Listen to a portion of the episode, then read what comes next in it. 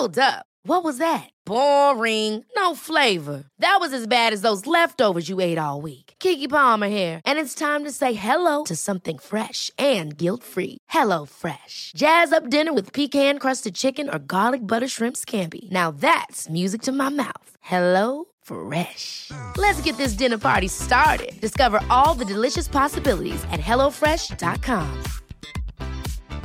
Planning for your next trip? Elevate your travel style with Quince. Quince has all the jet setting essentials you'll want for your next getaway, like European linen, premium luggage options, buttery soft Italian leather bags, and so much more. And it's all priced at 50 to 80% less than similar brands. Plus, Quince only works with factories that use safe and ethical manufacturing practices. Pack your bags with high-quality essentials you'll be wearing for vacations to come with Quince. Go to quince.com slash trip for free shipping and 365-day returns.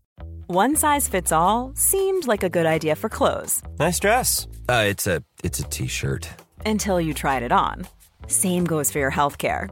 That's why United Healthcare offers a variety of flexible, budget-friendly coverage for medical, vision, dental, and more. So whether you're between jobs, coming off a parent's plan, or even missed open enrollment, you can find the plan that fits you best. Find out more about United Healthcare coverage at uh1.com. That's uh1.com.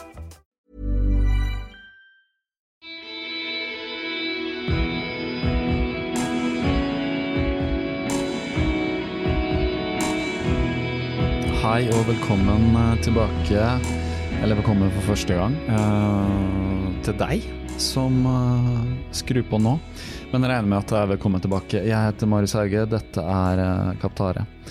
Uh, dette er det vi jakter etter. I dag så tar vi nok et dykk, dykk, en tur, hva skal jeg si, over Atlanteren hele veien. Over Atlanteren, mellomlander i New York, flyr videre uh, over hele det store Amerikakontinentet. Lander helt på vestkysten uh, mot det store Stillehavet. Uh, velkommen tilbake til eh, Sid Garza Hillman, eh, mannen som eh, har inspirert meg til å lage podkast. Jeg eh, avtalte en prat med han eh, rundt samtidig som jeg avtalte med forrige ukes gjest, som heter eh, Lucy. Eh, så ble det litt fram og tilbake, mest fra min del, eh, noen utsettelser og sånn, eh, men nå fikk jeg endelig satt meg ned og pratet. Ni timers forskjell er det mellom Mendocino, eh, California og Oslo, Norge. Så han satt der på morgenen, og jeg satt der litt seint på ettermiddagen. Eh, heldigvis, lyden er god. Sid lager sin egen podkast, spilte inn på sin side. Um, så jeg har uh, satt dette sammen, og det høres eh, bra ut. Meget bra ut. Um, Sid er eh, en veldig sammensatt fyr. eh, har veldig mange interesser og driver med veldig mye. Utrolig kreativ mann. eh, veldig god å kommunisere. Uh, han er eh, en mester av monolog. Han lager en podkast som heter No What Sid Thinks. Snart 100 episoder av den. Lagde en podkast som jeg har hørt på tidligere, som heter Approaching Natural. Også navnet på en av bøkene hans. Uh, han er filosof, han er eh, som nevnt podkaster, han er musiker, han har eh, bakgrunn som skuespiller i Hollywood. Han er utdanna innen ernæring, jobber som nutritionist, som det heter. Hva sier man? Ernæringsekspert. Uh, har veldig mye innsikt i veldig mye forskjellige. Lager en podkast hver uke hvor han setter seg ned alene og snakker om et tema. Og uh, som en venn av meg som jeg nettopp har snakket med i telefon, sier det er en veldig unik podkast, faktisk. Og til dags dato så er det nesten ingen andre jeg har hørt på podkast som er så god på å bare sette seg ned og snakke eh, og si fornuftige ting. Og si morsomme ting. Han er veldig morsom, faktisk. Så eh, i denne podkasten så, så kommer det litt fram. Men jeg prater med han om en god del ting. Han er eh, også en løper. Han har uh, forteller litt om bakgrunnen sin. Han begynte også seint med løping. Har løpt eh, som oss vanlige dødelige en god del Ti kilometer, halvmaratoner, maraton, men han ble tidlig interessert i sin løpekarriere for uh, ultraløping og stiløping. Um, så det har han drevet med. Han har et eget løp til og med, som han har starta. Uh, det er utrolig hva han får til uh, å gjøre. Han har en YouTube-kanal, han legger ut videoer, små filosofiske snutter hvor han snakker om ting. Så jeg skal prøve å linke til alt dette i podkastnotatene. Uh, som dere kan ta en titt på og linke videre til. Så ja, uh, straks får dere samtalen. Jeg rota jo selvfølgelig litt med teknikken, så etter at vi hadde spilt inn seks minutter, så så jeg at jeg hadde satt min opptaker til minus 20 desibel, for jeg hadde gjort et annet opptak. Så vi måtte stoppe og begynne på nytt, men jeg vet ikke om dere merker det, men sånn er det. ellers er føles som ting er litt gang igjen. Jeg er blitt kasta litt ut i noen jobber, fotojobber og noen videodokumentasjon og litt sånn Det blir sånn sjokkstart etter to måneder i litt sånn ingenting egentlig har blitt gjort. Så brått skjedde det mye her. Det var litt deilig. Vi må fortsatt passe på, selvfølgelig, med alt mulig med avstand og sånn. Så bare husk på at dere tar hensyn, men det vet jeg dere gjør. Uh, vi er blitt godt drilla nå. Er det noe vi uh, kan, så er det jo faktisk å forandre oss, selv om uh, det er litt motstand. Men hvis det er til det bedre, så vil jeg tro at det er noe vi burde integrere. Og dette snakker Siri litt om. Han er veldig dyktig på å vite hvordan man kan integrere ting i sin hverdag så det ikke blir overveldende. Han er egentlig en ekspert på det. Så en del av det kommer fram her. Og uh, jeg uh, er uh, uh til Sid. Hva vil jeg si? Jo, jeg støtter hans podkast. Det, det, er den eneste podkasten jeg støtter. og til dere som er mine patrions, tusen takk for støtten. Dere vet hvem dere er, og dere vet hva dere betyr. Og de meldingene jeg får fra dere, er utrolig hyggelige. Så eh, hvis du tenker at eh, du har lyst til å støtte podkasten og mitt arbeid med denne, så er det patron.com eh, skråstrek kaptarepodkast, eller bruk link i podkastnotatene. Så snakkes vi etter, etter praten jeg har med Sid. ha en god løpetur. Uh, welcome, Sid Garza Hillman from uh, California. Nice to be here. Yes. Um, Once again. Once again, for the third time actually. Uh, just to be honest, I had a little mess up with the with the audio, so we recorded six minutes, and I was on minus twenty decibel on my side. So that would be uh, very sad for the listeners because my voice would be really low and yours would be really loud. So um, you're sitting there. I'm sitting in Oslo. Uh, where is it you are, uh, to be exactly? Uh, Mendocino. Mendocino, California. So northern northern California coast. How far from, let's say, uh, most people in Oslo would know where San Francisco is, a little north of LA. So how far up from there by car? How many uh, hours? Uh, we're yeah, I'm about three and a half hours drive north of well, north of San Francisco. A lot of yeah. that is a lot. You know, you go north and then you cut over to the to the Pacific Ocean, and that's where we are. So you're you're you're almost out there on the coastline, right? Yeah, we're, we're I'm two miles from the from the ocean, and the you yeah. know the town with the town where I work at the resort. That's right on the right on the right on the ocean. Yeah, yeah, yeah. Because where you work, um, it's called the Stanford Inn. Yep. And uh, what do you do there? I am the wellness programs director and nutritionist there, so uh-huh. I help with and then do some co-management of the of the restaurant there, and just kind of help help to keep things going. Yeah. And uh, as far as I know, because I listen to your podcast, they are closed. Uh, yes, now. they are. They are closed. Um, yeah. They've been closed since March, ish, and uh, no signs to reopen. You know, we will reopen. We just don't have an exact date yet, so we're just kind of hanging, waiting for a vaccine or something to change the game. Yeah. Things are starting to happening here in Oslo, by the way. Um, are they? Um, yeah, the things uh, have changed pretty much the last two weeks. Um, first grade till fourth grade started school. So my nice. youngest daughter is back, and they're opening some restaurants and stuff like this now. So Good Yeah, it's good. Uh, we haven't been hit as bad uh, as as predicted. Yeah, Um, good. So things are looking good. How, how is how is your community, or how, how is it there in California? Well, excuse me, my county has only five. Last count was like five cases. So the county is we didn't we no problem at all. We're just worried about you know people from San Francisco or Los Angeles, you know, coming up here when when things get opened up because right now the county got got away with you know nobody died and that we only had five cases all recovered and and a fair amount of people tested. So um, no problems up here. It's just a matter of when things if they open up too early, then then we worry about that coming up and and so we're keeping an eye on it. Yeah, yeah, it's a little like that here as well. They're Yeah. you know keeping an eye on things, even though things are getting back to a little more back to normal. But of course, everything is not normal anyway. So how are you coping with this, like uh, personally and the family, and how how are you looking at things?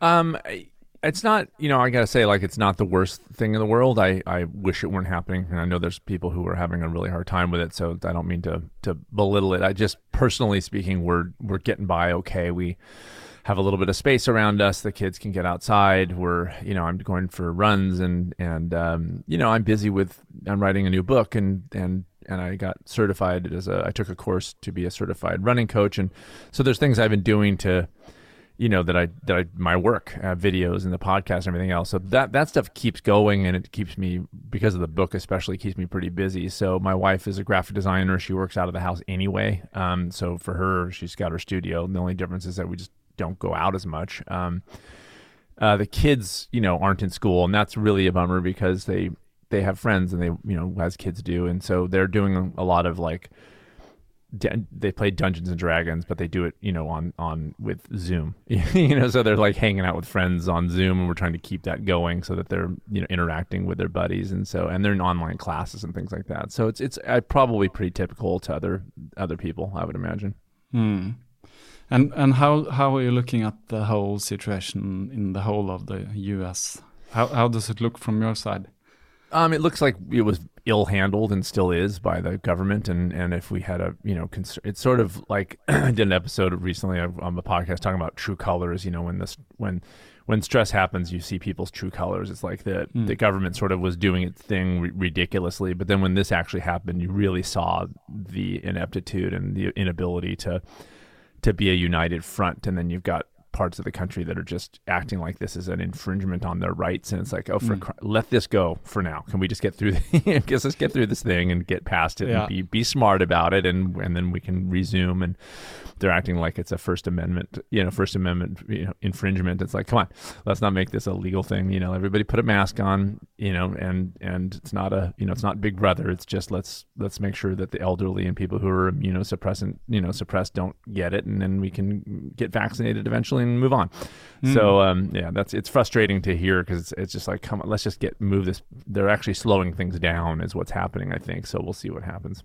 Yeah, yeah. It was a little shocking to see. Uh, even though there are a few, there were some uh, angry protesters with their guns Yeah. Oh, going yeah, no. into the michigan yeah it's insane it's insane yeah it's, It's insane. It's like Yeah. whoa. Yeah, and I saw this we one person like it's my body, as if Yeah. as if we're as as if the government's making her, you know, do do. Yes, it's is it's so absurd and so uneducated that it's it's almost worth not talking about. But it's just it's so crazy, and if they open up too early and and we don't get a handle on this, th- there's going to be another spike, you know, and then they're going to end up. It's going to be worse, you know. So it's like Yeah. you just can't be patient. But anyway, I'm glad I'm where I am and not living in a big city. I'll put it that way. I fully understand that. Even though Oslo is a pretty big city, I think Yeah. it's been pretty good here. Uh, people were really good at staying inside the first times uh, in the in the first few weeks. So Yeah, the difference Everything- between uh, yeah the difference between like Oslo and Los Angeles is that Oslo is in Norway. So, um, yeah, yeah, yeah. But uh, yeah, I think people are pretty uh, a, a little fed up with the whole thing, uh, kind of. But as you say, we, everybody's doing their best, and I think see that things have really changed with people being more understanding with uh, keeping the distance and being really yeah. It seems like um, people adapt really well and really fast. So I'm really Yeah. glad for that because Yeah, I was a little bit worried at at some point how bad will this be, you know, because Yeah, it seems so serious. Yeah. Yeah, yeah. So we're happy about that. Um, but you you mentioned uh, you do a lot of different things, uh, and I'm, as I'm going to say in the intro to this podcast, uh, I've met you before, and there is a whole episode where I'm interviewing you, and um, that episode is number four. Uh, we met almost two years ago. Uh, it's been a while. Uh, as I said before we stopped the recording, that was the start of this podcast. Um, Yeah. Pretty funny. Uh, Yeah. So uh, we talked a little bit about running then, but let's do it a little bit more now because uh, actually uh, one thing we can talk about uh, after you tell me a little bit about uh, what can I say your experiences as a runner. You did an interview on uh, a podcast called Trail Talk with uh, Rock Creek runner. I think his name is Doug Hay. And Yeah. that was four years ago, and that was a good story. I listened to that over again, and okay. um, afterwards you can tell us a little bit about that how you trained actually uh, with very low mileage and even though you did that you were able to run a 50 miler Uh, 50k, but yeah.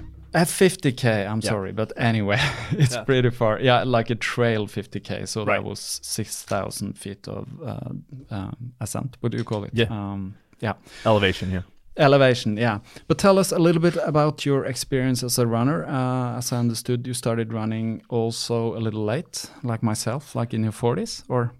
Well, I ran recreationally, you know, for a, a while, you know, jogs here and there. Mhm. Um, I did a half marathon, you know, one time in 1998, I think, or maybe I did two, I can't remember, but j- you know, just to try it. Um, 10Ks like now and then. I didn't really enjoy the racing side of things. I just was, my dad was, did marathons, and so I was sort of around it, and I, oh, I'll try it. And I never, it just never really took, and so I didn't do it. I didn't really do it, and then finally, at 45, I was curious if I could do a marathon, and I had been doing, uh, you know, by that time I was a nutritionist for a while, and and my diet was improving, and I was feeling really good, and I thought, well, I wonder if this can translate into, you know, a marathon. Never done it, so why don't I do that? And so I ran two that first year when I was 45, and then uh, just didn't like marathons. I mean, I did fine and, and finished them fine, and it was, but I just didn't like it. It just wasn't fun for me, and didn't I didn't really enjoy it. Um, so I figured I had done done it, and that was it. And then I read Born to Run, which a lot of people did, and and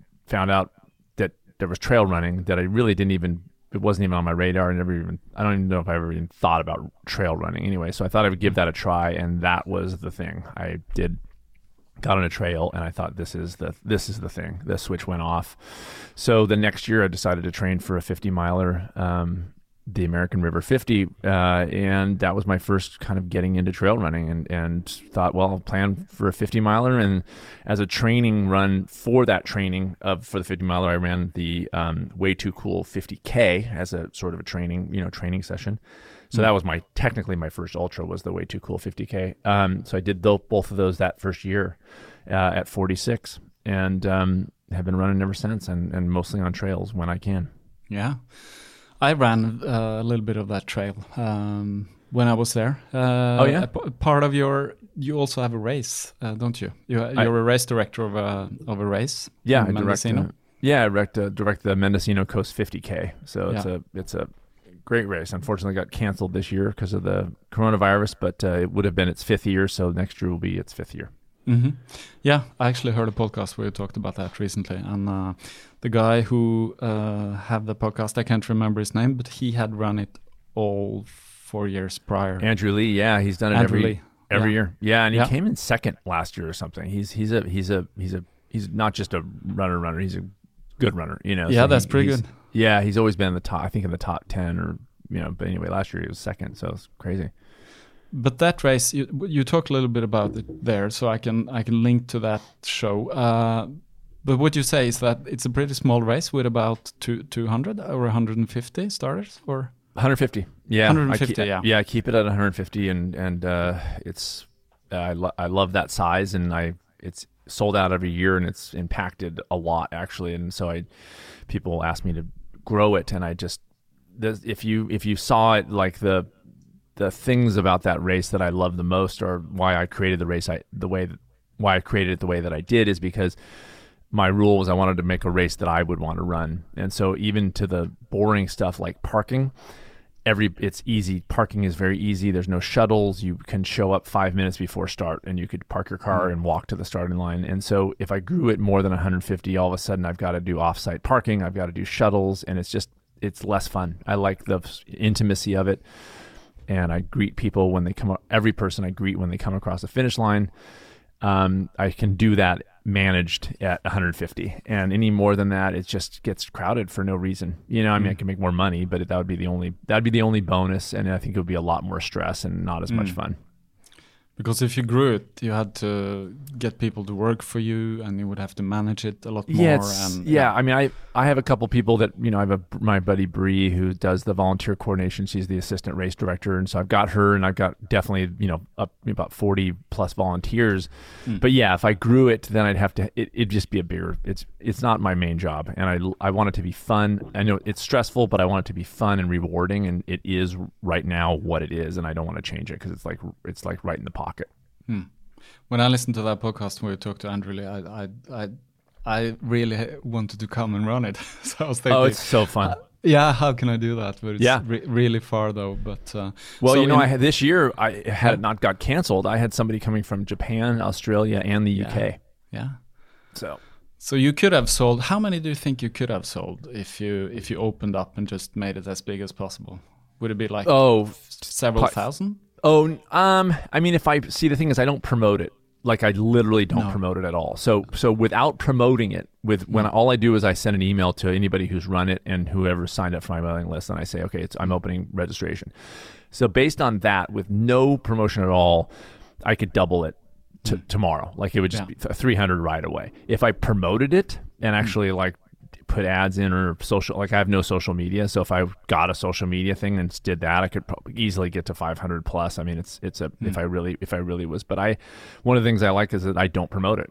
you know, hmm. I just like let everybody know who's done it before and who's interested or comes to me and signs up for the mailing list. I go, I'm opening on November 2nd. And then I don't touch it. Like that's it. And then this year's race sold out in 25 minutes Wow. You know so it just it just sold, sold out. And then i had another 90 on a waiting list within you know two hours and that was it. And it's just kind of but been what that is. So yeah i could grow it if i really wanted to. But honestly like i don't even know if i could get the permits for something that big you know? So um, the, the state parks are very nice to me because it's a very managed race and they know there's not going to be any damage and, and, and the trails are after the race you you wouldn't even know that we were on the trails. Like there's, we pick up everything. There's no trace of us at all. And i think that that's really nice for them Yeah, that's really great. yeah There's there's a trail run that I was supposed to do in the end of May that also has this. It's much bigger. It has I don't know 2,000 or something, but yeah they have different distances. But they also have this policy of no uh, no littering, and they don't give out any cups. You have to bring your own bottle to fill water and Right. everything yourself. So yeah, I really I d- like that. So I we- do that too. Yeah, why I I don't make people bring a bottle, but I give them a reusable uh, like a Yeah. It's like a it's called UltrAspire, whatever. I, I can't remember the. I bought a different brand this year, but anyway, they're they're reusable forever, you know. And so I give them that. So I don't do cups at the at the aid stations, and we have I hire a few people to go back out on the trails after post run and clean up all the marking, and I use biodegradable marking and. Um, and all recyclable and compostable for like the food afterwards. I it's all recyclable and compostable dishes and things like that. So um, I keep it. I keep things very uh, very ecological. Yeah. No, uh, yeah, I will post. I will post a link to that race, that website, so uh, anybody from Norway can come and, uh, Yeah. and run next year. Heck yeah. Uh, but now I guess it's sold out next year as well because all the ones from this year, uh, I guess they Well- have a spot next year. Or they well they do, and they may not Yeah. take it. So they No. have a they have a guaranteed spot and a, and for you know for free. Well, whatever. But anyway, if they don't. It's not gonna. I'm not gonna charge them again. Anyway, so they have a guaranteed spot. But I'm sure there'll be some people who don't come back, and so there may be some open spots for people. Yeah. So yeah, no, we'll see. But uh, what about your own experiences with uh, ultra running? Um, for me personally, being you know mid forties, ran a few marathons, I would say that for me going into ultra, I would think, oh, it's too much running, you know, too much training, putting on top of your life. You know, H- how was your experiences with all that? Well, in the beginning, it was a lot because I hadn't done one before, and you have that, you know, that first run pressure. You know, I've never done this before. I want to finish. You know, I didn't care about winning. I, I was 46. I just wanted to, you know, could can I do a 50 mile race? You know, that was the deal. And so, I actually, um, I mean, I read a bunch of books mm. on it, but then I've hired a coach because um, I heard him on a podcast. This guy Matt Flaherty, the uh, professional ultrarunner in, in Indiana and he said he coached and i thought god i don't know if i could afford this you know but let me give him a give him a call or I emailed him anyway and, and uh, it was like 120 bucks for, per month. I don't know how this guy makes any money but anyway. So yeah. so i said can i just hire you for a couple months you know to just get me going? Uh, you know this is like six months ahead of the race. And he said sure. So he you know did training plans. We would talk every you know every week or so just a quick you know five minute call and he would craft my training plans and, and gave me some really good insights in terms of the different the ultra mindset which is a is a much different way of running. It's a, and it and it translated so well into my work with small steppers my my approach to that I teach uh, to health and you know health and happiness and stuff. And so it translated which was you know to slow down and he and he would mix things up with food. He'd go today don't eat anything for the first 6 miles and then have something else for the last six miles, and the next day we we, we reverse it. And some days we do gels, and other days we would do real food. You know, like a peanut butter jelly sandwich. He really was trying to like make mix and match and kind of get me the feel of of of what it was like to be out there that long. I mean, I did it and I finished that 50 miles 11 hours and 52 minutes. You know, it's, you're out there. It's a long day, and so to to manage that stuff um, was really cool. And so I hired. Eh, so after the two months, I felt like I had the deal, but it was mileage. You know, I was doing 40 to 60 miles a week.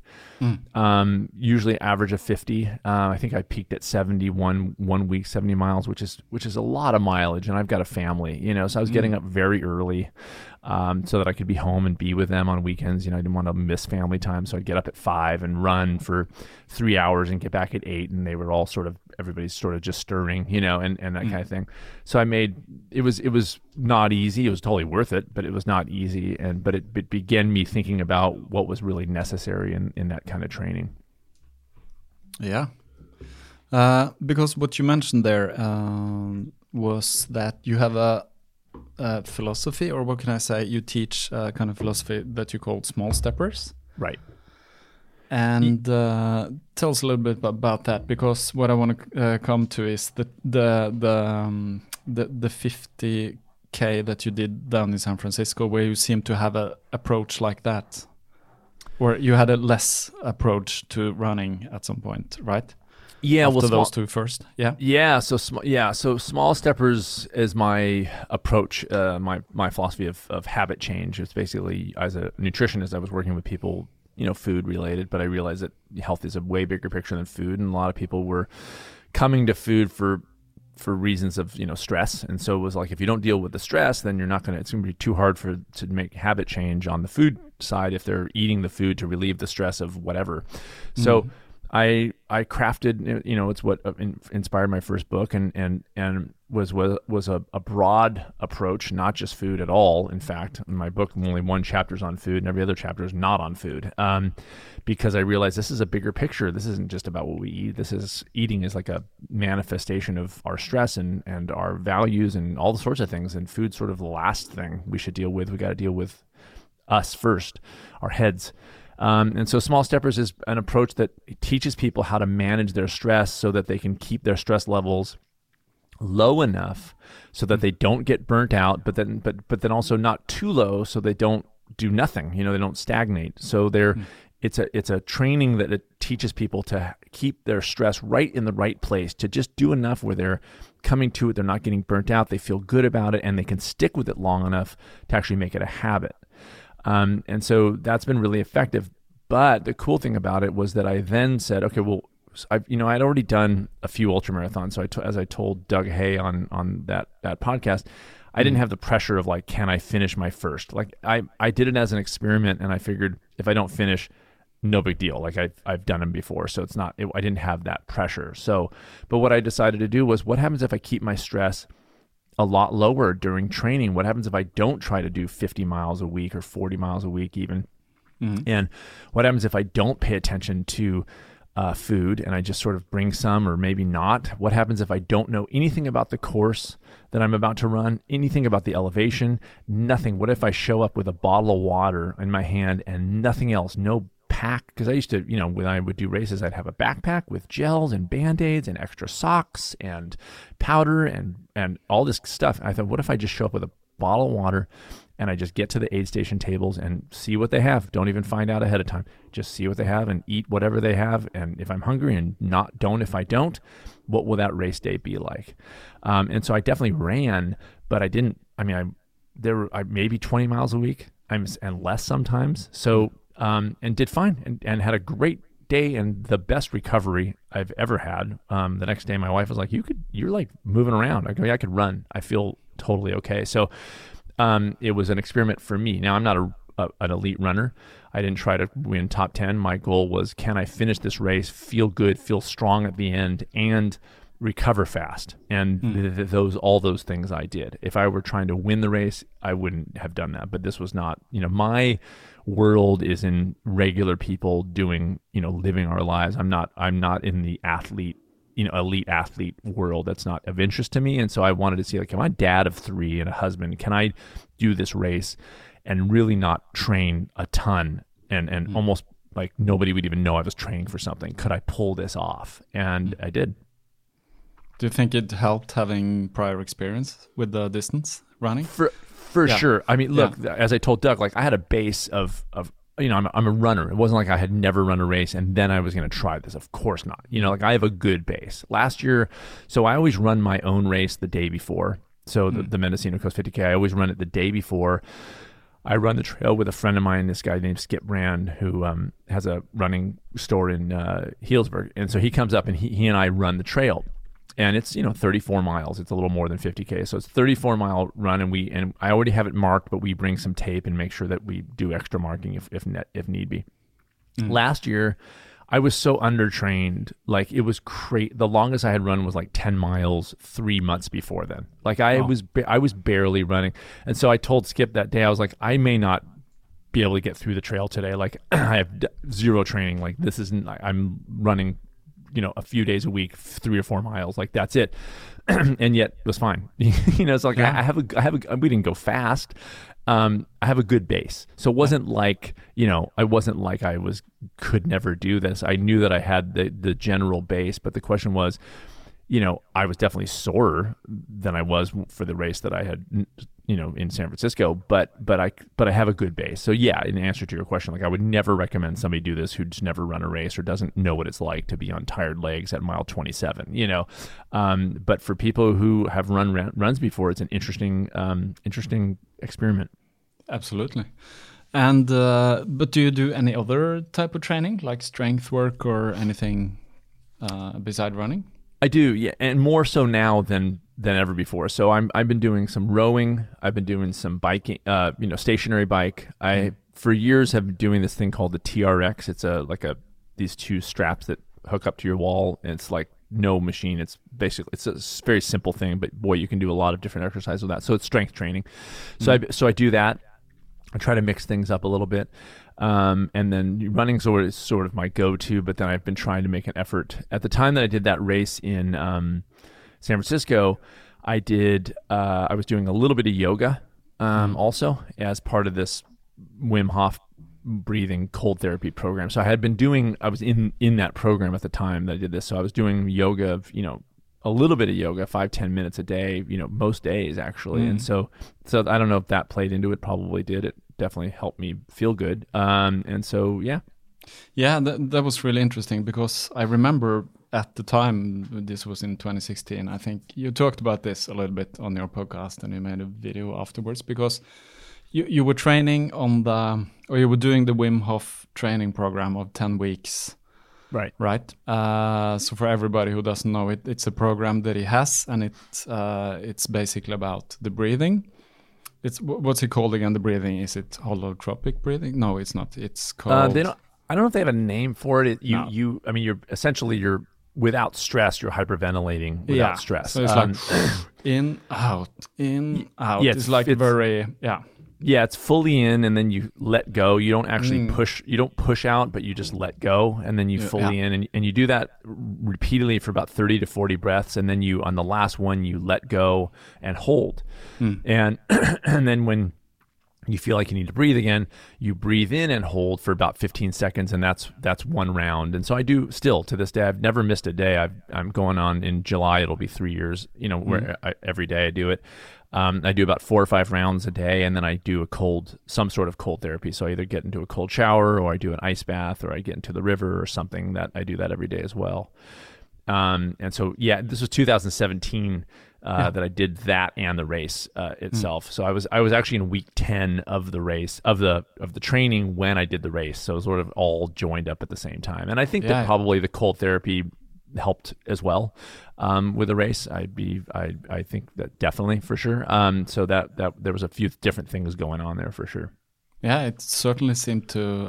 I would think it helped because the way you talked about it, you get into a little bit more of the details with the with the brown fat and uh, Yeah. yeah, the technicalities. But to make it short, you, you teach also the body to have a very efficient fat burning system Yeah, uh, with the is- cold therapy, right? Yeah, with the cold, right, with the cold therapy, and I also do intermittent fasting now. And so, you know, when I go uh, every week, well, last three weeks anyway, I'm starting to do this every week. Um, I do a long run down to, I run from my house down to Mendocino, which is about just about 10 and a half, although I run a little bit extra. So last week I did 13 miles, but I do that on water only, you know, so I get up, have water, um, run, and don't drink. I actually don't even drink anything during the run. Like I just I run I drink if something if I'm thirsty.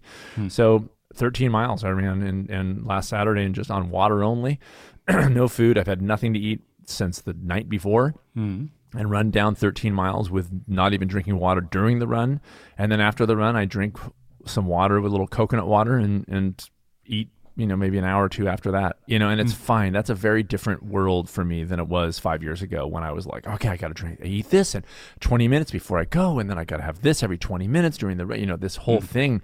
And i'm just playing with that. I'm like is this really necessary? And i the answer is I think it's necessary if you're trying to be an elite runner. If you're hmm. trying to just be healthy and low stress and just get outside and have fun and be super healthy, you know, feeling really good, then hmm. no, it's not. None of that stuff is necessary. And I just want to make sure that people know what their goals are so that they don't get wrapped up into this like uh, you know have to time things and have to have this many calories and this many grams of carbohydrate you can go you make yourself crazy and then hmm. all of a sudden you're not enjoying the process and it's like well are you trying to be an elite runner or an elite athlete then okay fine but if you're not then you don't have to do that stuff that's for elite athletes but you don't you can just do this and have a family and have fun and go out and run 13 miles and not stress yourself out about it Yeah. Even though there are some people that kind of fall in between, uh, not elite runners, but want to perform the best they can at a marathon or a half marathon and stuff like that. sure And then I guess it becomes a little more complicated, even though you don't have to make it as complicated. But No, it, it doesn't. Ha- yeah, and I think your point's right. Like, there's gray area people, but they don't. They do not need to make it as complicated as as people are making it. Even for mm. the people who want to, you know, PR. Let's say they want to have their personal record. They want to do the, the you know, they want to do a certain amount of time. Sure, there's going to be some a little bit more maintenance in terms of training and taking care of. You know, that's why I'm a, now a running coach because I want to, you know, get in on that level mm-hmm. of of tweaking that thing, but still not for elite. And I think people take so much time with this that they lose the like. For me, it's not and this is for even for an elite athlete. To, for me, it is way more about what you eat at all other times that you're not running than it mm-hmm. is during during the run. Mm. So to me, it's like I don't want people hyper, you know, being hyper focused on how many grams of carbohydrate per hour during a run. I want to be like, what do you eat when you're not running? Because mm-hmm. that's going to be your level of health and fitness, and and giving, and that's going to enable your body to handle the stress of running way more than what you decide to do on run on on a run day. And so my focus is as a coach, as a health coach and, and or running coach is going to be on that. Like, let's get the baseline health in a really good place so that then you can run more efficiently and run, you know, better. Even if you want to make your PR, you're still going to be able to set that stage in a really effective way. Mm. So tell me a little bit about that, uh, because you recently came into coaching. You t- you took some training now the last few months, as far as I understood. Yeah, yeah. I, I well, I got way busier with it once I was stuck at home. Um, so I was I was sort of doing it, you know, a little bit each night. Um, an online program, and once I was at home because of the coronavirus, I just decided, well, let me just. So I was starting to spend hours per day on it. So it took me about two months, um, and I just took the exam mm, maybe last week or the week before. I can't remember. It's all blending, as you know. Um, yesterday, yesterday I woke up and I was literally like, I literally don't know what day it is. That was the first time that's happened. I was like, I do not know what day is it. Is it Tuesday or Monday or Wednesday? I don't know. Anyway, um, but I passed the, the exam. Um, so I'm technically a certified running coach at this time. I'm not insured, so I'm not I'm not taking any clients at this point just because I want to make sure that I start a business and I'm not going to do it right now while everybody has to stay at home anyways. But my goal is when this all sort of opens up, I'll I'll actually make it real and and become insured and and promote that around and see if anybody's interested in working with me on that level. Yeah. Um, so yeah, it's been a, it's it's something I've thought about doing before, and I was like, what if they have programs that can do this? And so there were. Mm. It it seems like an expansion of your Small Steppers and the whole nutrition part. So how um, um, I don't know if yeah we talked about that on the last podcast, but you are uh, plant based or vegan as uh, it's called. Yeah, yeah, since percent. yeah since uh, pretty wave pretty far back. Uh, Two thousand two. 2002. So Yeah. Yeah, 18 years or something. And Yeah. we talked a little bit about that on the last podcast. You had some issues with asthma and stuff like that. Right. Yeah, and you cut uh, dairy and that helped, and you just yeah. But Kept uh, to make a long story short, uh, but uh, in in your kind of coaching, is is that a part of it to eat plant based, or are you more like um, what do you say? Um, uh, putting parts of it in, or how do you do it?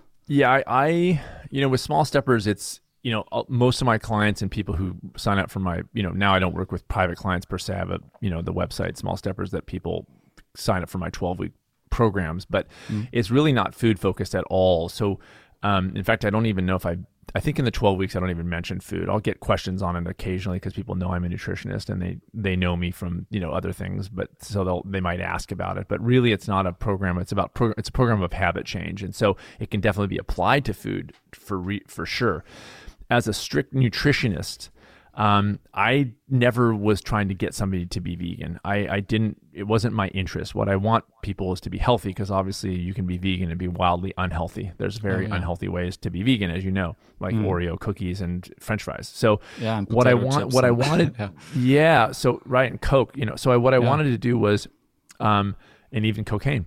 Um, so what I wanted, so what I wanted, what I wanted to do was, um, get their heads in the right place where they understood the power of eating well and what that does for them. It's not about weight loss. It's about feeling good. It's about energy. It's about, you know, doing the thing, the other things that you want to do. And it's about enjoying food too.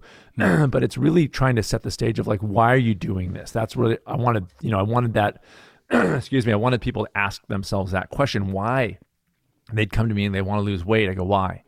Hmm. Why do you want to lose weight? What do you mean? I go, why do you want to lose weight? Well, I want to feel better. I want to be able to travel. Go, okay, that's why you want it. It's not because of weight. This isn't about weight loss. So this is about taking care of yourself and feeling good and doing things in your life and, and even looking good. Like that's a good, that's fine. Like, yes.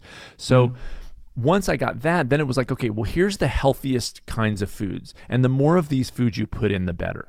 And I always make a point to say, like, I don't eat 100% healthy. I know how to Hmm. but I don't. You know, I have a single. You know, you know, you probably heard on my podcast. I'll have, I'll have a single Scotch, you know, single malt Scotch whiskey. I'll drink a hmm. beer. I'll have, you know, those are both vegan. I'll hmm. have, you know, I'll have sourdough bread with, you know, butter on it. It's vegan butter. So what? It's junk food. You know, so so the point is, is I want to educate people to where like these are the healthiest foods and and why. And then the more of them you put in your body, the better. Now, if you put in a little bit of animal food and not as you know but not that much you're going to be totally healthy. I mean Mm. you'll be phenomenally healthy. I just don't want people thinking that you know oreo cookies are are healthy or that you know the steak is healthy that it's a good thing. It's just a thing that you can do and if you keep it minimized in and like you would with you know other unhealthy or things um you'll be better off. And if you Mm. eat more of the unhealthy stuff you won't be. So it's sort of just like how's that you know to set that stage. Now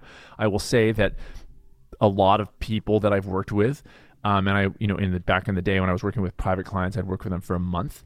Um, maybe like a year later, w- way beyond when they stopped working with me, they would become plant based on their own because they started feeling better and they wanted more of that. They wanted to feel more of that. And so they would sort of in that line, they go, Yeah, I, I decided to finally be, and it had nothing to do with me. It was just like their own trek of, of, of feeling better and actually achieving their goals they wanted. And to me, that's such a better way than me starting out the gate going, "You should be vegan," and they have no idea why. You know Yeah, what I mean? yeah. So, so they get there on their own. Yeah. And that's, No, that's that- preferable that's- to me. Yeah, absolutely. I, I- I think that's a very good approach. I think it's a very good approach. You can never convince anyone of doing something they don't really want to do anyway. So why? I think people have Yeah. to fig- figure out uh, for themselves, and Yeah, that give that them the knowledge and Yeah, yeah. So Give them knowledge. That's true. Uh, and and that leads me into a thing I wrote down here because there's a lot of information or fractions of information now online or on the internet if you search you know for food or health or anything and uh, everybody seems to know a little bit or something and they're trying to sell often do this one thing and it's gonna fix everything and blah blah blah. What do you think about that? That that there's so much information that it might be even confusing for people. And at the same time a lot of uh, what, what shall I say nutritionists or health people are trying to sell some kind of quick fix you know well, I, some turmeric powder or something. Yeah. Yeah. and it's not like there's no and there's not like there's no validity to some of those things. Um and and so I, I would say there's two types of people on the internet. There's people who, and and in the world not Mm. even just on the internet. So there's there's two types of people. There's people who have an opinion about nutrition. And Mm. it seems to me that most people have an opinion about nutrition. But at the same time most people are not trained in nutrition. So i find it really interesting that everybody it's like the one it's one of the very few subjects that people will just dive into and they'll be, oh no, you you do this and this and this. And it's like, well, how do you know that? Well, you know, they they can't even answer. And so, or a lot of times it's because their doctor told them. Well, their doctor's not trained in nutrition. Most doctors are not. I mean, d- not in medical school at all. Some doctors decided, excuse me, after medical school to train themselves in nutrition, but not. It wasn't part of the nutrition train. You know, it wasn't part of medical training. Hmm. So they still dole out nutrition advice. Even my pediatrician, well, you got to make sure you eat dairy. Well, you have no idea what you're talking about, and you shouldn't be talking about food because you're not trained as a nutritionist. So there's that type of person who has no training but still weighs in on it. Then there's the type of person who has the training, excuse me, but and they're and they maybe even have good advice, but then they're but their but their ethic is that they're trying to sort of sell you the like you said the quick fix or the products that they're sort of trying to keep you attached to them because it's financially uh, beneficial and it is by the way. So if you can keep somebody coming back to you for 10 years all the better. You know i've talked to people who excuse me i've talked to people who you know, they come to me and they go, "I've seen my new, I've I've been going to a naturopath for ten years," and I go, "Okay, well, you, you know, like if you've been seeing somebody for ten years." There's probably a Yeah. good chance that you've you've you're being grifted, you know, and you're buying Yeah. pills from them every month, you know. So, hmm. I never have sold anything nutritional. That was a rule I made when I when I finished my nutrition training, is that I was not going to tr- not going to sell anything nutrition related. I sell hmm. T-shirts, but I don't sell, you know, I don't sell Yeah. anything. No bottles, no pills, no nothing. Now I have friends who do, hmm. and I know them, and I know they're honest about it, and so I can I can wholeheartedly recommend things, but I'm not even attached financially to those things. I don't get any affiliate money or commission on anything, nothing, and I've hmm. been offered it, and I turn it down. I just hmm. go, no, I don't want any attachment. So if I if I recommend a product to somebody, they know that I have zero affiliation uh, hmm. with it at all. And so that makes me f- personally feel okay about what I do. It also makes me financially less uh, successful. Um, but it's, you know, it's, that's the kind of weighing that thing, um, you know, in my own personal life of like, do I want to feel good doing what I do or not? And that that's, that, that's where it is. And so, um, yeah, so it, it's very confusing because when you have a financial goal, like if I could say to somebody, you need me. I mean, you should be paying me every month forever and coming to my retreats five times a year. And because you, there's no way you're going to be healthy without me. I would make a ton of money and be I would be miserable and I would not be helping people do what they really came to me to get done, which is to feel you know to be healthier in their lives. And so it worries me because it's Hmm. uh, it's one of these things of like I see it all over the place. The quick fixes, the the people. There's a guy named Steven Gundry who wrote the Plant Paradox, which is a debunked, ridiculous book. But he's all over the coronavirus, you know, and he's selling all these pills and all these things. He's probably cleaning up great, you know, but he's a grifter, and people should stay away from him, you know. Yeah. So it's it's it's hard for me to watch that stuff and not be stressed about it. Yeah. No, it's bad. It's bad. There's quite a few. W- was he the guy who was on Joe Rogan on the podcast? Uh, no, that I mean that guy was that guy's name was Chris Kresser, who's not Yeah. a, again not not a nutritionist. Yeah. And neither is is Gundry, by the way. Um, Chris Kresser is an acupuncturist for crying out loud, Mm-hmm. and uh, yeah, and, and talking all about you know this and that, and I it blew my mind, and turned out that I wasn't the only one. But I, I was like, I'll give this guy a chance. He was debunking the Game Changers movie, and so I said, okay, well let me hear the other side of it. Mm-hmm. After 15, 20 minutes, like I can't listen to another word this guy's saying. He's so he is saying so the things he was saying were so outlandish and were so ri- ridiculous and illogical. It wasn't like he said, well, statistically, he didn't have any facts. He was like, oh, well, this is, I mean, it was just absolutely crazy. And Rogan knew it um, and still let this guy on. And then, but luckily, you know, brought him back with another guy from Game Changers and they debated it out. And this guy got his, I mean, he just got completely nailed because he Okay. did, had nothing, you know, it was crazy. Um, so yeah, I see those kinds of things and those people in the world, and I just, I just, it's just, it's just so hard for me to watch that stuff because there's just, I, I, I, I will listen to anybody's opinion if it's well thought and it's educated. I will. I, I have a, a very short fuse for people who are just, just out there with an agenda trying to grift. You know, I, I don't like it. It's, it's too. There's enough bad stuff in the world. You know what I mean? Yeah, yeah, I agree.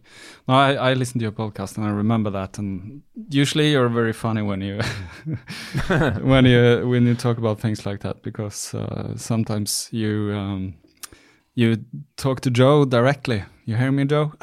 Yeah, yeah, yeah. As if, as if, as if, as if he listens to my little podcast. you know? but uh, but uh, for people like me who listen to your podcast and know you a little bit, we know it's a joke. So, um, but Yeah. but anyway, it's really funny. Yeah. No, I didn't know he invited back uh, and had a debate on it. I don't listen to Joe Rogan. I haven't got the time actually. There's so many podcasts to listen Oh, to. I know. So yeah.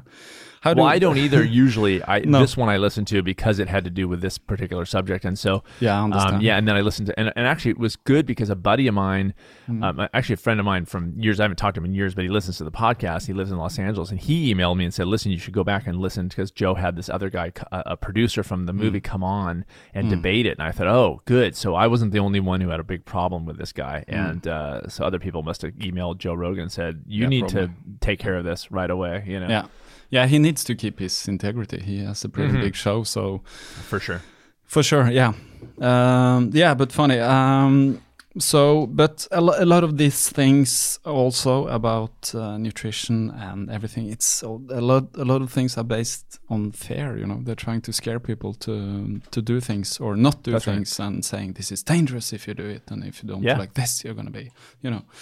So um, yeah, we need to educate ourselves a little bit also. Um, I mean, look what they're doing in the U.S. Like they're, you know, the the president of the United States Oh, decided to to use war powers to make sure that the meat plants were were back open, even though it's they're not safe for the Yeah, workers and yeah. of course not for the animals. But um, and now they're rationing meat. You know, like Costco here is making sure I'm I'm going meat like that's the thing that's Yeah. because people are afraid of not having their meat. That's very amazing um, marketing, and I'm I, you know I'm about to talk about that in um, in the in my podcast today because it's so funny. Like that's fine.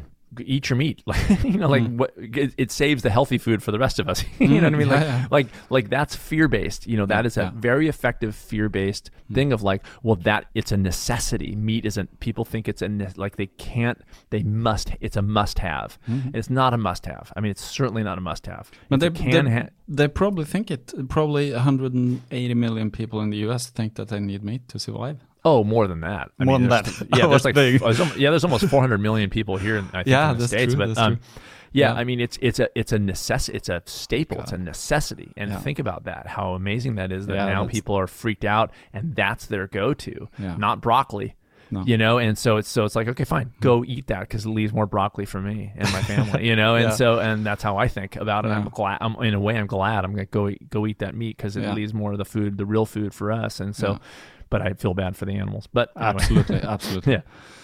Yeah, but I think things are going to change uh, probably uh, slowly and surely. I hope so. Uh, yeah, I hope so too. I saw a, a, a little bit. Uh, there was um, um, and on, on the um, news here uh, about the U.S. that a lot of crops are just not being picked uh, these days. Yeah, can you believe of- it? Yeah, that's really sad. Oh, That's worse insane. than than keeping. You know, they should pick the crops instead of keeping the the slaughterhouses going. Or Oh no, I know. They should. Yeah. I know. And, and kids are like kids are kids aren't getting enough to eat in this country No. right now. I mean, Yeah. in the United States, the wealthiest country in the world, not getting enough food to eat. It's it's absolutely insane. It's absolutely insane. So things needs to change. Yeah, they do. H- have you read the book by um, uh, Michael Pollan, uh, The Omnivore's Dilemma? Is it called?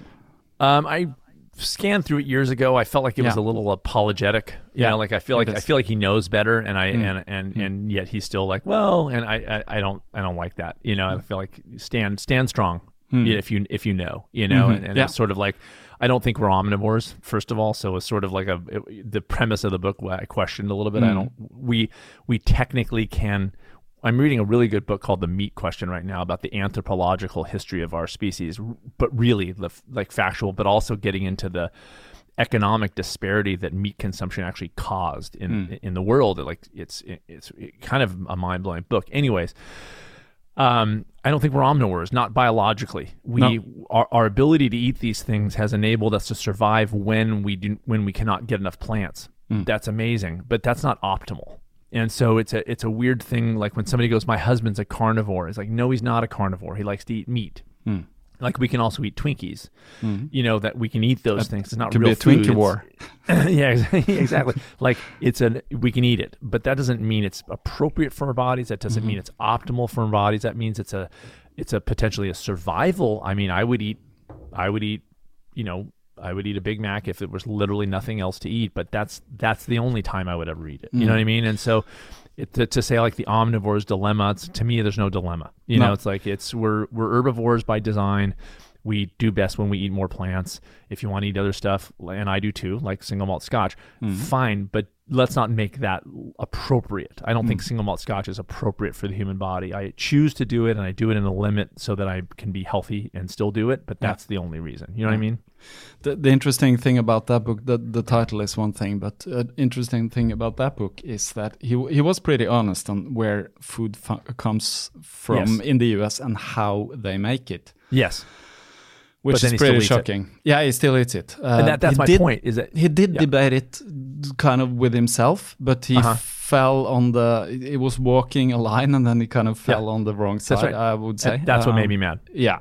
Yeah. Because also, uh, that's another book, uh, but uh, what's his name? Jonathan Safran Foer. He's Yeah, written a yeah. book called Eating Animals, and I have that book. And, and Yes. he he he shows similar things, but more honestly, and he's falling on the on the other side. So he That's right. debates actually that Michael Pollan book a little bit. But what Yeah. was interesting about Michael Pollan was that he did some research and he did show us how how things are done in the US, and it's Yeah. not very not very smart, I would say. No, and he'll actually, and, and I've heard him interviewed, and he mm. said, you know, we can't keep doing this. Like, we need to move to more plants. Like, it's, mm. and, and, and he acknowledges that. And to me, it's like, well, then do that. Be be an example for people, and, and mm-hmm. actually make that move yourself. You know, because I'm a big I'm a big set the example guy. Like, I don't mm-hmm. really want to listen to people who don't live the example. Yeah, I No. have I have a again I have a short fuse maybe because I'm getting older, but if somebody's not living better than I am and making better decisions than I am, I don't have anything to learn from them, you mm-hmm. know. And so it's like if if you if you read that book and you learn all this stuff, and then you look at the guy who wrote it, and you go, you not you're not even doing it, then I go, okay, well I'm done with you. You know, mm-hmm. it's like good information, thank you, but I'm moving on to somebody who's actually doing better than I am, mm-hmm. or you know, and so I want to learn from somebody who can I can look to and say, well, how are you doing what you're doing? Because you're doing better than I'm doing, you know Yeah, yeah. and that's and that's more interesting to me than somebody who knows better and chooses not to do it even mm. with with knowing what they know I guess that's what evolution is about, you know. i think will i hope learn to do things a little bit better. i hope Yeah, I hope so too. But uh, anyway, w- you do um, personally. You do a lot of things. Uh, you've acted in movies. That we talked Yeah. a little bit about that. Uh, your background in the last podcast, and you you play music or you write music. You play music. You have made some albums. I know you still write some music. You recently had a reunion with your old um, band members. I think. Yeah, Wasn't there a LA concert or something? I did. I had Yeah. yeah. I, when, I, when I turned fifty, I decided for a gift to myself, I was going to try to see if the guys in my band would get together and play another show, and we Yeah. did. And it was so we did that last February of of 2019. Was it good to play again? Oh, it's like live. Yeah. yeah, super good. I mean, it wasn't the best. You know, it wasn't the, like we rehearsed twice. Yeah, you yeah, know, yeah. like we rehearsed like the day before the two days before the show and the day before the show, and then that was it. You know, so and we hadn't played together in 14 or almost 15 years, and so. Um and but but yet even given that we got through the songs quite well considering because because we played together for so many years before that so um but it was just so fun and and great to get back and then it got me really uh, back into the into it. So I've been writing since then. I have another um, album's worth of music um, done, so, written, and then um, it's just a matter of finding a way to record it. I'd love to record it with those guys. If I can't make that happen, then I'll just do a solo album and figure out that step Mm. next. And um, so that's been really fun, and just a, another, you know, once I started doing what I do now with the health coaching, nutrition, things like that, it wasn't really something I talked about. But then I realized, you know, it is. It's something about you know we can be multifaceted. We can do different things. And that's that's what's interesting about humans is that we can we're not one thing. We can mm-hmm. do different things. And that and that is related. Like i realized early on luckily not as early as i hope but anyway i did realize fairly early you know a few years ago that like music is part of my health. You know mm. it's it's something that i do that i enjoy. And it's not health isn't just running and eating. It is it's the things that we do to give ourselves joy. It's art, it's mm. creativity, it's even meditation, it's journaling, it's doing all these kinds of things that that make up who we are. And and when we do more of those things, we thrive. And mm. that's really the question. So I started to little by little bring in the discussion of music a little bit more into my discussion of health and happiness. And and in small steppers in the program, I definitely push creative creative things. I've had experiences with clients where in a way, and I, I would argue this till now, that their eating habits are a result of the fact that they're stifled creatively. That they're hmm. that was you know they want to be a writer but they're not writing, and they feel bad about that and stressed about that, and they feel like they should be writing, and then that stress is translating into not eating as well because they're you know a lot of people eat to alleviate stress. Absolutely. And so, Yeah. teaching somebody how to bring that creativity back in, I you know of course use my small steps approach, but what however you do it, bringing that little bit of creativity in, I've literally seen this affect their diet. They start eating better because they're feeling better because they're doing the thing that was now is not they're not stressing themselves out anymore about it, and now they're eating better because they're feeling better. And it was a really interesting part of my um, trek in this world of to realizing like these are these affect you know so many things affect how you eat so many things affect how you drink alcohol you know or Yeah. smoke or whatever like these are stress responses you know and so if you can minimize the stress sometimes the habits will change in a, in a really long-term way How how ha, have you felt uh, personally a little more stressed in this situation than you normally would be? I guess the answer is yes, but how do you cope with it? Um, yeah, I mean, I feel, I definitely feel a little st- more stressed. I have to tell you, you know, like I have the benefit of doing what I do is that I know how to do what I do, and I, mm. again, because I'm a big set the example guy, I'm, I've for years, I'm always working to be, to, to, to, you know, utilize my own approach to to mm. be the, the person who handles these, to know how to handle these things. Because if I don't know how to handle them, then I can't teach anybody else how to handle them. So now that this happened, I jumped pretty quick into okay, well, let me small step my way into my running program. So I didn't say like I'm going to do eight hours a day, but I was like, mm. okay, every every day I'm going to open up these this file, the you know the next you know whatever it- it's module or whatever. Anyway, mm, open it mm. up, and I'm going to spend ten minutes a day, and then that grew pretty quick. I'm going to play music. I'm going to you know I for right out of the chute I did a daily podcast. I did a podcast every day for the first eight days. So I, I jumped into doing things that would just uh, immediately put me to work and and in doing things, not trying to not be stressed about it because it's really hard to say like I'm going to not be stressed about the mm. coronavirus. Mm. So I said, okay, that's going to be what that is, but what if I do more over here? What if I, you know, po- put my thought into the podcast? What if I, you know, play my guitar? What if I do the running thing? What if I edit my book m- more regularly now? And that was just, and still, this is what I'm doing now. And how, and mm. how do I continue to, you know, do this and manage my stress in this process? Um, so I've been effective in that way. I felt pretty good. I exercise a little bit more. Mm. Um, not tr- try not to push it, but I'm trying to you know move a little bit more simply because I have the time, Mm. um, and that's making me feel fantastic. And so you know, there's definitely stress there, but I think I'm handling it pretty well. And and and I've got kids, and you do too. You know, Yeah. so if we're if we're running around panicked, Mm. freaking out. And sitting on the couch drinking all day, Hmm. what message is that sending to our kids? At the first sign of any kind of stress, we fall apart. What's that going to do for our children? You know what I mean? And, and Hmm. Yeah. so it's you know we have things to think about as parents. We can't be we have to be the adult in the room Yeah. so the kids can look to us and not be stressed about what's going on. You Yeah, know, absolutely. And- right? And so that's if that's been a priority for me right, and my wife right out of the chute. Yeah, it sounds good. One thing I know you have uh, eliminated to, I guess, relieve yourself from stress is social media. Actually, you uh, just cut that more or less uh, out of your life. All all channels like Twitter, your Facebook, your Instagram. Uh, you continued making videos, right, on YouTube, but you even left YouTube and went to the Vimeo channel. Yeah, Yeah, yeah. but that that it- was on on uh, more or less on a moral uh, base ground, wasn't it? Yeah, so yeah, I quit all social media, deleted all my accounts in in uh, by December of 2018. I deleted my last account. I did I deleted Facebook, Twitter, Instagram, LinkedIn, and even Strava, which Mm. I think Strava is a great site. I just it, It was a- more of a more of a distraction for me. I just like I, I might as well just get this out of there too. I wanted to, Yeah. to really see what it was like to not have any of that stuff. Yeah. Um, YouTube for me, I, people say it's social media, and I think there's a little bit of the debate there. For me, it was not Mm.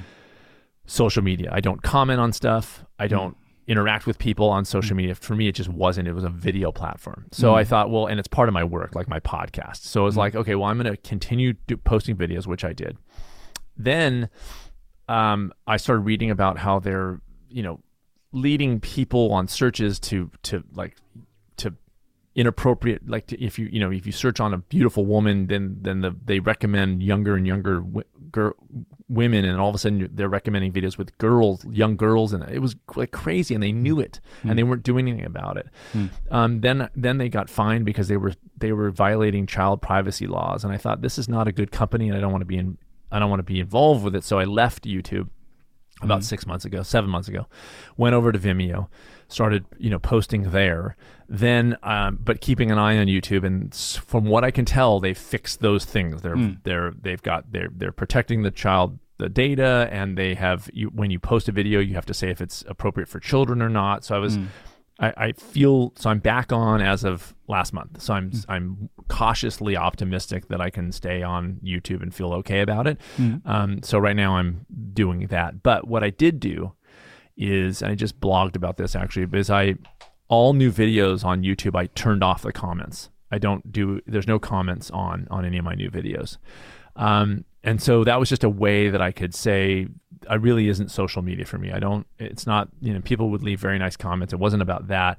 It's just there's like I don't want comments. I just want it to be a video platform. You watch the video, you get off and and you move on to something else. Um, so I didn't want there to be like a social discussion under my videos, and so I know it's not the smartest thing to do for videos, but it's what it is. So yeah, so if anybody goes on my YouTube channel, you'll see that the last I think five or six videos, there's no the comments are turned off, um, and so I'm just doing that's kind of where I'm at.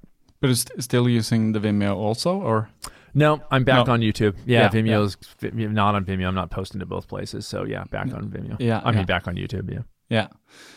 Uh, one last thing I want to ask you was: uh, Sure. do, do you still read? Um, you studied philosophy, right? Like Yes. You have a major, or yeah, Yeah, majored in philosophy at UCLA. yeah, yeah. Do you still read any philosophy, like, or or is that kind of a thing of the past, or how how is your um, how is your approach to that? I don't read philosophy too much. I'm I'm either reading a um you know a book about nutrition or health like the book I'm reading now, The Meat Question. I'm reading two novels. Uh, right now I'm reading um The Magic Mountain by Thomas Mann and I'm reading um this m- book called Sarah by J.T. Leroy, who is actually a woman named Laura Albert, who's become a friend of mm-hmm. mine. So I'm reading her novel at the same time. So that's where I'm at right now. A lot of the philosophy training that I went through, I'm just utilizing. I'm, I'm mm. less interested in reading other works than I am in the in doing my own thinking mm. as it as it applies to my field, which is health and happiness. You know, the, the mm. nutrition of it, the health of it, the fitness of it, everything. So the ethics of it, you know, ethics and morality as applied to health and happiness. That's kind of where where my little area is. So I, I'm not reading philosophy as so much as I'm trying to be actually a philosopher. you know, so, Yeah, yeah, so I'm trying. try, yeah, so I'm trying to do like my my new book is on is basically a philosophy of happiness book. Okay, So. I'm I'm in that book and r- doing my own thinking and really trying to craft my own approach and and Hmm. and and that's where I've been for the last few years. Yeah, because we didn't talk about that. You you've written two books. Yeah. One called Approaching Natural. That's more Mhm. like um, that's not that long. I think that's that's readable in pretty short time. I have it on my uh, Kindle. And then you wrote Oh, yeah. another one about parenting, but with a good title. Uh, what's it called? Raising healthy parents. Yeah. Yeah. Instead of like because all all title is always about you know the children, right? But Yeah. it's it's basically a philosophy about how to take care of yourself, like you said earlier, so you can take care of your children. That's which right. is which is a good philosophy, and Yeah. I, I read that too, and I totally agree Oh, on cool. it and can recommend it. So Thanks. the next one now is more or less a philosophy on happiness. More is it? I guess it's based in the same take care of yourself and. Uh, Um, Yeah. yeah, it is. Yeah, it's called. It's called. Um, so the first book, Approaching the Natural, was a health manifesto. I would call Mm. this one a happiness manifesto. I'm not going to call it that, but that's kind of what it would be. Mm. Um, it'll be on the short. I think uh, Approaching the Natural is like 100, 150 pages or something. Um, Mm. but it's a small book. You know, it's like a book you put in your pocket, and that was on purpose. Mm. Um, this book will, I think, hope will be the same kind of thing. It's called Six Truths. Mm. Um, and it, well, the full title is Six Truths: Live by these and be happy. Don't and you won't. Mm. Um, and so um, that's where the title is. And so it's broken into six truths and basically things to follow and, and um, incorporate that, that I believe lead to happiness. And um, yeah, so that's what that is. And it'll be, you know, fu- I want it to be fun to read. I don't want it to be dry. I Mm. want it to be, it's broken up into little subsections. So it's a kind of a quick, you know, get through, pick up a page, grab Mm. it, look at it, go back to it, you know, that kind of Mm. thing. Hmm. Have you uh, have you have you read um, Ryan Holiday's books? He, he's No. really no, he's really into you know um, Stoic philosophy, which Oh has right, I, ha- has yes, kind yes, yes, yeah. yes, yes, yes. I, I haven't Yeah. read his stuff, but I know about him. People, a couple, few people have turned me on. He has videos too, doesn't he? He has videos too. Yeah, Yeah, yeah, I've seen him. Yeah. yeah, yeah, yeah. No, he's been on. I guess he's been on the Rich Roll podcast and talked a little Yeah. bit about that. Cool. Uh, yeah, uh, I want to ask about that. If you, I guess you know about Stoic, Stoicism uh, in the history of philosophy, and it Yeah. seems to seems to have a kind of renewal. Uh, It does. It's kinda cool. Yeah, it's very cool. It's kind of I, I wouldn't say your approach to things are so very differently. It's about reacting to things and not getting stressed up about them, and not putting yourself in the position where you have to be stressed, where you do, uh, where you take bad decisions, basically. yeah, So yeah, um, but uh, but they're pretty fun read because he um, he's read his history, so he has a lot of you know examples from history about people who were more or less Stoics, you know. right. So uh, I I think they're good as a as an approach or as a kind of way into Stoicism because I tried reading the old uh, books and they're Oh, they're heavy- heavy Yeah, duty, they're yeah. heavy. so I guess we need them more or less. Uh, yeah, a little I bit up I- updated to our modern times. Yeah. That's right. And I, Mm. I think any any anything or approach that return or at least focuses us on the stuff that is actually going to deliver us Mm. uh, happiness, which is are the basic things. Any, any at any given time, if you shed all the stuff that we have and you take it away, to assume that we would no longer be happy because we don't have a bunch of stuff, Mm. and yet you look at our culture and we're getting less happy, less healthy, and we're we're more abundant than we've ever been. So so to me, any any move to return people to this reality and truth, which is that the simpler we live, really the happier we are. I mean, it really is a fact. The the the technology and things that we buy are in a sense I look at them as drugs in the same way that I look at junk food as drugs. And then and you keep you they don't deliver you true happiness and but but they deliver you the the, the short-term feeling of happiness. And so it's a drug hit. And so you got to keep going back for more.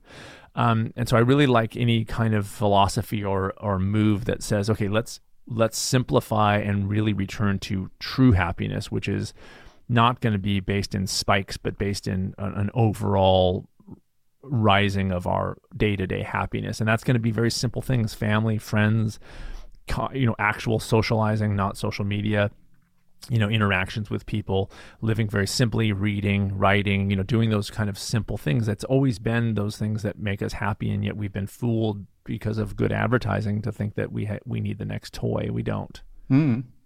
yeah I, I gotta agree on that. It's w- yeah. well put. I think it's a, a good way to end this uh, conversation. Cool.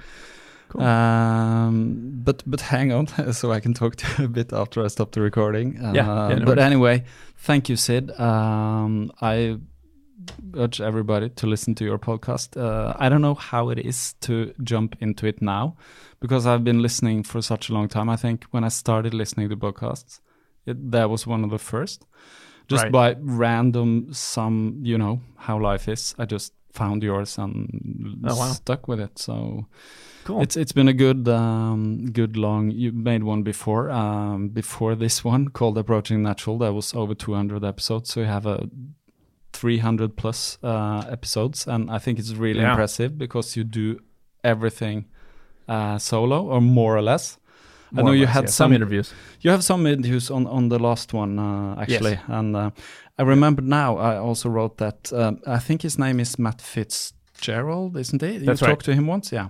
Because yes. I've talked about the book he wrote on this podcast, the 80-20 running philosophy yeah. thing. Yeah, that's a good book if you want to get. It. It's a great book. Yeah, yeah I did. I mm. didn't interview him on that book. Mm. That came out after my last interview with him. Okay. Um, but but uh, he did the "How Bad You Really Want It," uh, mm. "How Bad You Want It," really mm. good about the mental side of of you know you've got these elite runners and why does one mm. you know hmm. win and one doesn't even though their fitness wise is the same and mm. it was a, hmm. he's a good he's a really good writer and and uh, so yeah the 80 20 is a good book too yeah I've, I've used some of his programs when I yeah. PR'd my half marathon that was uh, his his program oh yeah no he know he knows what he's talking about he does yeah yeah. So uh, I can recommend that. But anyway, um, thanks for talking to me, and uh, hope uh, everything gets back to normal uh, more or less soon in the states. Um, we're, we're following that from here, of course. You know, we get a lot of news from the United States into Norway, but uh, yeah, of course, it's most this guy talking and saying stupid things, which is I, yeah, a, bit so a bit sad. But I'm trying to. We think we think so too. Yeah, yeah, yeah. Hopefully, something can change there also, but we don't. know. I hope so. Yeah, yeah. Okay. Uh, thanks, Sid, and uh, have a great day because it's in the thanks. morning for you. Did you get your coffee uh, yet?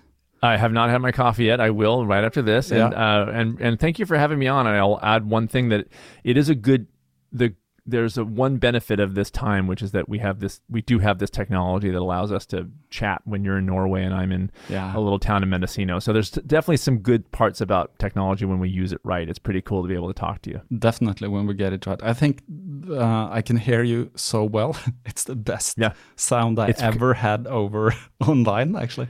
Yeah, it's kind of cool. Like it's, yeah. it's like we're on a regular phone call. Yeah, it is. It is. you know? Yeah. Yeah. Okay, but uh, thanks again, Sid.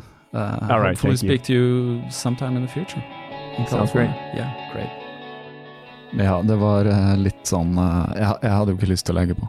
Vi gjorde heller ikke det, da. Uh, vi snakka videre. Jeg, jeg stoppa den opptakeren, og så hadde vi et oppsett hvor vi hadde tatt opp via, via laptopen, så hadde med meg sånn. Det var aldri gjort det på den måten før, da, men eh, i hvert fall så var det en samtale som fortsatte litt. og sånn. Og vi får se. Jeg, jeg, tror kanskje jeg kan legge den på Patron. Eh, vi begynte å snakke om Bergen. og jeg, Det morsomme med uh, Sid er at han uh, Han nevner vel at han er litt sånn han er opptatt av Norge da, og syns Norge vil, virker veldig forlokkende. og Antydet nesten at han ville flytta hit hvis det hadde vært jobb og sånn. Så så jeg fortalte om Bergen, og jeg, han kjenner til Oslo, men jeg har ikke hørt om Bergen, så jeg lovte å sende han uh, litt info om Bergen. Uh, så til alle dere som bor i Bergen, uh, send han en mail, melding, whatever, og si 'kom til Bergen'. det hadde jo vært kult. Jeg vet han har vært en del ute og reist. Han holder ganske mye han drar ganske mye rundt på sånne festivaler, sånne veggie-festivaler og prater og sånn. ganske kjent i det miljøet. Jeg vet han har vært i Skottland og litt sånn forskjellig og pratet, så hvorfor ikke Norge? Um, hvis jeg kan gjøre noe, så skal jeg jobbe for det. Men uh, hvor er vi? Jo, um, vi er uh, i mai, altså. Denne uka så er det 17. mai og greier.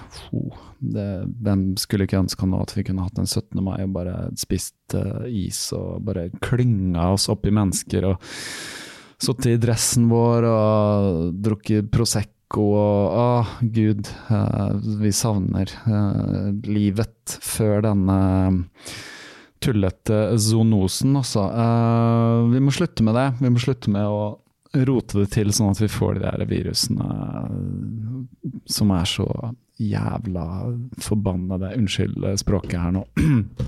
Jeg regner med at det er dere hardcore-fansen som fortsatt sitter og hører på, så jeg, jeg, jeg banner litt. Uh, blir litt lei. Ja, men vi, vi, vi, vi, kommer oss dit, dere alle sammen, ok? Uh, vet du hva jeg savner? Jeg savner å stå i en klynge med tusenvis av andre og hoppe nervøst før, uh, før startskuddet går ut på en ti kilometer, en halvmaraton, en maraton eller lenger, eller hva som helst. Jeg kan bare ikke få understreket hvor mye jeg savner egentlig det der absurde fellesskapet der, og bare være en løper blant mange. Um, jeg løper for tiden, men uh, jeg, jeg, klarer ikke å holde så mye struktur på det. Jeg tenker bare at jeg må ut og, og, holde beina i gang. Så får vi heller bare strukturere det litt når den tiden kommer. som vi vet, som jeg har sagt her veldig mange ganger, kontinuitet er viktig. Uh, det er viktig på mye. Uh, vi glemmer fort det som vi ikke driver med. Uh, men heldigvis så er det lett å komme inn i ting igjen. Så hvis det er sånn at du ikke har løpt på en stund, bare gjør det igjen. det går bra. Vi trenger ikke å gape over så mye av gangen. Og så er det selvfølgelig veldig mye jeg har glemt å si, men atter en gang, bare takke Patrions. takke deg som lytter fast til podkasten det er ikke verst, uh, bare det. Uh, jeg hadde en, uh, som jeg nevnte, en samtale med en venn av meg nå nylig, før jeg spilte inn det her. og jeg sa 'Å, har du hørt den, og har du hørt den, og har du lest det, har du lest det?' Han bare 'Nei, å, det er så mye å lese, det er så mye å høre, det er så mye å sjekke ut'. Og det er det jo. Det er vanvittig mye, men ta inn litt hver dag, da, og husk på at det er ikke noe vits å sitte og scrolle på den Instagrammen helt uendelig heller. Uh, det er liksom ikke noe nytt. Eh, jeg har blitt litt bedre på å kutte ned på bruken av det. Selv om det er morsomt å titte og sånt, så er det, det er litt sånn Ja, det er litt det samme på nytt og på nytt og på nytt og på nytt. Så vi får uh, bruke tiden uh, vår klokelig, vår tilmålte tid, her på denne lille grønne planeten i Melkeveien. Uh, ikke glem det. Vi uh, har uh, det mest fantastiske stedet i universet rett under våre føtter. Så ta vare på henne, da. Ta vare på moderen, moder jord. så kan hun ta vare på våre barn og barns barn og barns barnebarn også. Ok, jeg er glad i dere alle sammen. Vi ses ved mm, senere anledning.